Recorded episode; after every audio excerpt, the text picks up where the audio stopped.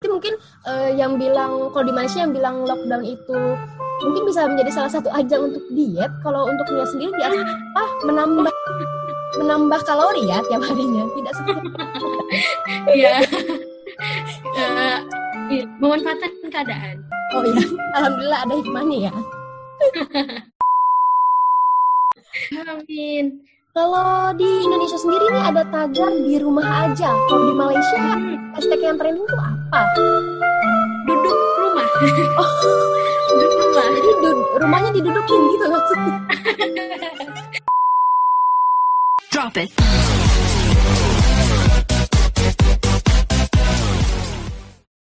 Hola, apa kabarnya nih warga plus 62 yang hari ini lagi jalani aktivitas di rumah aja maupun yang lagi work from home nih. Semoga senantiasa baik-baik aja ya. Nah, kali ini lewat konten Kata Riri Kanan, Riri akan hadir membahas isu-isu viral yang sedang hangat-hangatnya di kalangan warga plus 62. Dan di episode kali ini, Riri bakal bahas mengenai isu corona yang sedang gencar-gencara diperbincangkan di Indonesia maupun di dunia. Dan kabarnya nih, warga plus 62. Berdasarkan data John Hopkins University per tanggal 1 April 2020 pada pukul 14.55, terdapat 862.234 kasus positif corona di dunia yang tersebar di 180 negara. Di Indonesia sendiri, per tanggal 1 April 2020 pukul 15.30, terdapat 1.677 kasus positif berdasarkan data kumparan.com. Nah, kalau itu adalah data di Indonesia nih warga plus 62. Lalu bagaimana sih dengan negara tetangga yang sering kali dalam berbagai kompetisi olahraga menjadi musuh bubuyutan sekaligus menjadi sahabat dari negara kita. So, kali ini di Kata Riri Kanan episode Kepoin Tetangga, kita akan bahas tentang kondisi lockdown di negeri jiran Malaysia. And for your information, pertanggal 31 Maret 2020, Malaysia melaporkan sudah ada 2.626 kasus positif virus corona di negaranya. Dan terdapat 479 kasus dinyatakan sembuh dan 37 orang meninggal dunia. Dan hari ini, Riri nggak sendiri nih karena Riri bakal ngobrol-ngobrol bersama salah satu mahasiswi asal Indonesia yang kuliah di negara yang terkenal dengan menara kembar Petronasnya ini. Dan kebetulan, ia juga sedang menjalani masa lockdown di Malaysia. Langsung aja kita panggilin Teh Nia. Halo Teh Nia. Halo, apa kabar semua? Alhamdulillah baik Teh Nia. Nah, Teh Nia ini kebetulan benar ya, di Universitas di Malaysia. Iya, betul. Alhamdulillah. Kebetulan ngambil jurusan apa nih, Teh? Ngambilnya Islamic Revealed Knowledge. Oh, itu mempelajari tentang apa? tentang kayak pengungkapan atau penemuan-penemuan knowledge Islam gitu. Oh, iya, iya. Nah, okay, okay. jadi untuk warga plus 62 yang dengerin uh, obrolan ini, kebetulan tehnya ini adik saya sendiri. ya kita cuma beda berapa bulan ya? 13 ya? berapa hari lah? Oh, berapa hari? Baiklah. Nah, kita langsung aja nih ke sesi obrol-obrol uh, santainya. Oh, kebetulan ya uh, di sana okay. berapa? Hey? Ya, kebetulan ya di sana pukul berapa sekarang? Kita beda satu jam lebih cepat dari Indonesia. Di sini oh, 8.17. Ya? Oke, okay, di sini baru jam 19.17 benar-benar. Hanya beda satu jam aja. Iya. Nih, uh, Nia, di Malaysia sendiri kan memang virus corona sudah sudah apa ya sudah sempat booming lebih dulu ya dibandingkan Indonesia ya. Betul betul. Uh, di sana itu lockdownnya sejak tanggal berapa nih? Jadi pertama tuh lockdown di tanggal 17 Perdana Menteri itu ngumumin tanggal 17 diumumin mm -hmm. uh, malam-malam dan lockdownnya itu mulai besoknya tanggal 18. Jadi cuma nah, dikasih waktu beberapa jam? Iya, betul. Eh, wow. Uh, kita berpersiapan saat itu. Mm-hmm. Uh, jangka waktunya pun cukup lumayan ya, dua pekan lah sampai akhir April. Eh, sorry, sampai akhir Maret. Oh, sampai akhir Maret. Terus nah, lagi perpanjang kembali ya katanya? Nah, diperpanjang kembali dua pekan setelah itu sampai pertengahan April 14. Oke, jadi totalnya sekitar satu bulan. Iya, betul. Lengkap oh. sudah satu bulan. Nah, di masa ber, hanya beberapa jam diumumkan mm -hmm. besokan harinya sudah harus lockdown. Persiapan apa yang sempatnya lakukan? Apakah panik atau bagaimana nih? Ya betul banget. Ketika diumumin itu udah jam berapa ya? Jam sepuluhnya Malaysia lah. So jam 9 Indonesia. Betul, itu kan uh, kalaupun kita nyiapin perlengkapan atau logistik keluar, akomodasi juga Eh, nggak uh, keburu ya, udah pada tutup. So, di tanggal 18 ini, hari pertama lockdown, memang pemerintah belum ngasih banyak aturan yang belum bikin aturan yang ketat ya. Jadi masih banyak masyarakat yang emang berbondong-bondong ke market, terus juga ke beberapa tempat perbelanjaan gitu. Jadi hari pertama tuh masih seperti biasa, masih ramai. Hmm. Bahkan lebih ramai ya di pasaran ini karena orang-orang semua ke sana gitu. Oke, tapi uh, keesokan harinya saat belum ketat-ketatnya uh, banyak warga nih yang uh, belanja berbondong-bondong. Mungkin karena uh, panic buying juga ya. Sempat ya, betul banget nggak untuk social distancing saat melakukan transaksi belanja misalnya? Nah, belum sampai situ waktu itu. Pokoknya kepikirannya itu yang saya amati, termasuk juga mungkin saya kebawa ya panic buying itu. Okay. Uh, kita ke tempat uh, belanja karena memang penuh banget jadi social distancing pun udah kita nggak mikir yang penting kita dapetin barang-barang gitu nah dan pada um, ya. uh-huh. dan pada saat uh, apa uh, belanja pertama kali ini ya saat itu saat, saat sedang panik-paniknya apakah banyak di sana pengunjung marketnya menggunakan masker misalnya? Hmm, iya beberapa ya, tapi nggak begitu ketat uh, preventingnya menurut saya. Karena ya masih banyak yang belum nggak tersedia hand sanitizer terus juga masker juga biasa aja nggak pakai. Terus juga bahkan di samping-samping marketnya itu banyak uh, pedagang kaki lima dan juga restoran-restoran kecil yang masih buka ramai gitu jadi emang belum kerasa lah Oke, okay, okay. pencegahannya juga masih belum terasa. Nah kebetulan dia kan sebagai salah satu anak perantauan ya dari ke Malaysia nih. Nah hmm. uh, saat panic buying itu apa aja nih yang Nia siapkan? Apa aja yang okay. persiapan dua minggu ke depan sebagai anak kosan? Oke, okay. pertama anak kosan yang kebetulan saya baru ya, baru menjadi okay. mahasiswa. Karena memang belum punya perlengkapan uh, masak segala macam termasuk juga di asrama kampus emang kami dilarang ya punya iya, alat-alat masak. Jadi pertama yang kami samakan adalah makanan-makanan yang awet jangka panjang kayak uh, apa itu sereal, uh, oat, terus habis gitu uh, pasti ya in, uh, instan mie instan. Yeah. Terus lagi, nah tapi sempat sih kita beli sayuran dan buah-buahan dan juga rempah-rempah. Ini mm. kayak untuk apa daya tahan tubuh bagus lah di awal-awal kondisi yang emang lagi parah ini. Oke oke oke. Uh, dan apakah itu stoknya cukup untuk dua minggu ke depan atau ada bantuan dari pemerintah? nah awalnya memang itu kayaknya cukup untuk beberapa hari deh, satu pekan lah ya. Nah uh, kerennya, alhamdulillahnya pemerintah itu di hari ketiga sampai satu pekan lah itu langsung mengeluarkan aturan-aturan yang emang tegas pertama, yang kedua juga uh, apa respect sama rakyatnya. Jadi kita ini dikasih bantuan. Uh, pertama ngasih bantuan ke kampus-kampus mas uh, apa nih pemerintahnya bantuan kampus-kampus untuk mahasiswa yang emang stay nggak bisa keluar karantina di dalam kampus di asrama dan juga ngasih bantuan emang untuk warga-warganya bantuan hmm. apa jaminan hidup lah ya selama lockdown itu itu sih kerennya di sini. Uh, berupa apa tuh uh, bantuannya? Apakah yang paling seneng sih berupa kuota ya? oh iya, apalagi anak perantauan ya. Eh, apalagi anak perantauan uh, siswa dan di kosan. Iya, iya, iya. Ya, pertama kuota tuh gratis di sini. Mm, uh, selama yang kedua selama lockdown. Tapi saya emang belum coba sih karena masih ada wifi kampus.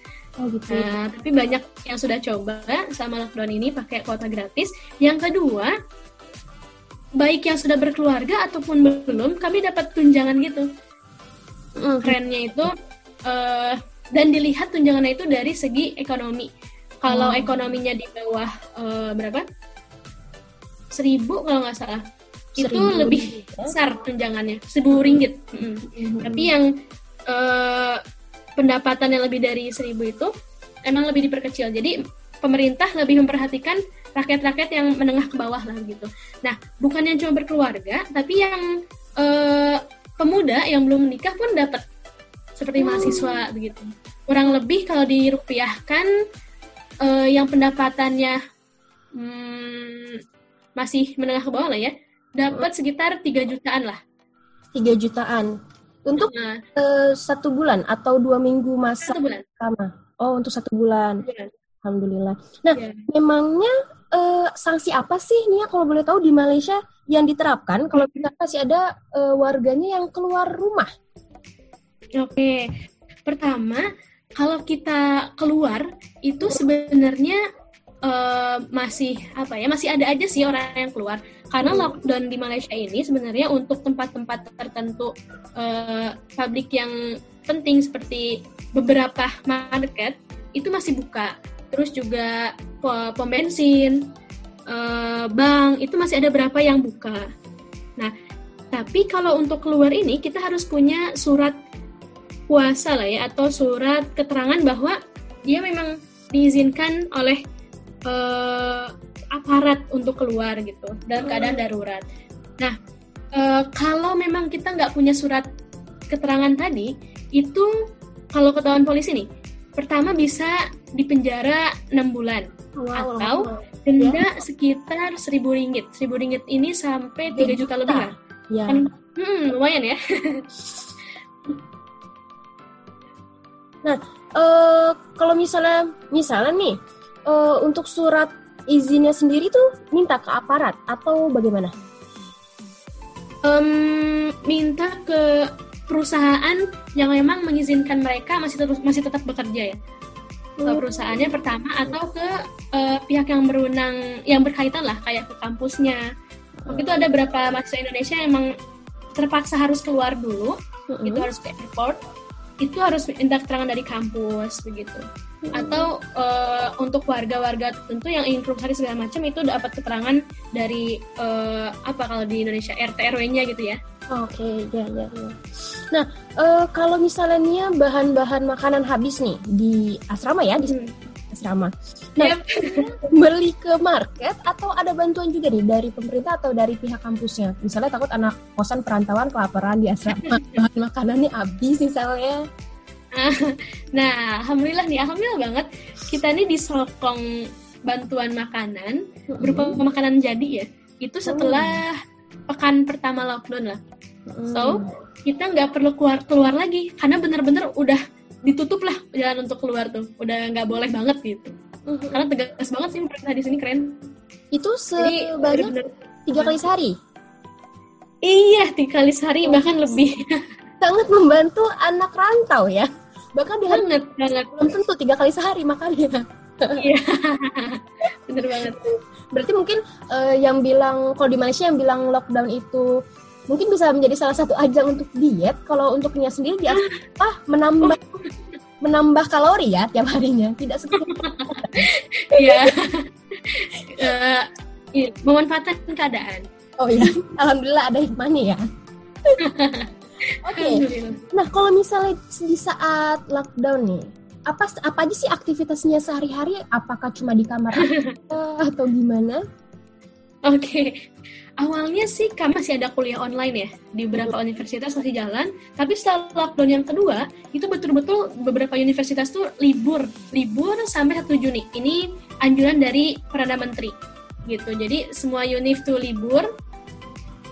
Kuliah online kan udah udah nggak lagi ya. Jadi kita sih suka cari uh, kegiatan-kegiatan lain yang sifatnya online ya kayak ikut webinar atau ikut juga kelas online uh, berupa pelatihan skill hmm, berupa sangat berfaedah ya kegiatan. Hmm, sangat berfaedah banget. Paling juga kalau nggak rebahan dan juga tadi makan ya suka inilah workout dikit-dikit. Uh luar biasa. Kan dikit iya iya. Nah, kalau misalnya di Indonesia sendiri kan ya ya di medsos itu kan uh, warga plus 62 uh, suka menyemangati diri sendiri maupun teman-teman lewat mm-hmm. meme lucu nih. Kalau budaya di ya sering kali. Nah, kalau di Malaysia tuh yeah. sih meme-meme lucu yang nyemangatin untuk bangkit dari wabah corona atau yang sebagainya? Iya, nemu berapa? Banyak. Banyak juga. Oh, di sana juga ada meme-meme lucu ya. Oke deh. Tapi di sana Nia udah berapa lama memangnya? Uh, menginjakan kaki di Malaysia atau menginjakan kaki di Malaysia? Oke, okay. baru dari awal tahun ya, sekitar dua bulanan lah. Oh, Oke, okay. alhamdulillah. Berarti udah bisa sedikit-sedikit bahasa Malaysia ya? Sedikit-sedikit. Sedikit. Ngobrol sama Upin nih, Pin. Iya, iya, iya. Ya. Oke deh. Betul, nah, selanjutnya nih, uh, ada nggak sih kesedihan yang Nia rasakan di saat lockdown? Iya, sedih banget sih sebenarnya. Karena pertama dari pribadi emang udah nyiapin berapa targetan ya yang harus hmm. dilakukan.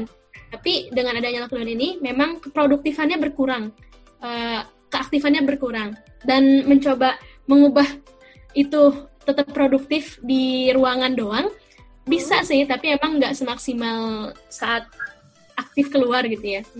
Terus juga memang mm -mm, sedihnya lagi ya melihat kondisi di luar ya yang memang pemerintah benar-benar lagi berjibaku menangani ini tapi banyak masyarakat yang emang masih belum peduli gitu loh masih apa ya uh, acuh lah karena mereka ngerasa belum kena dan aman-aman aja gitu padahal hmm. ujung-ujungnya mereka sendiri yang nyusahin karena mereka jadi korban benar dan sekarang tuh nampaknya di Indonesia juga sedang berlaku seperti itu hmm.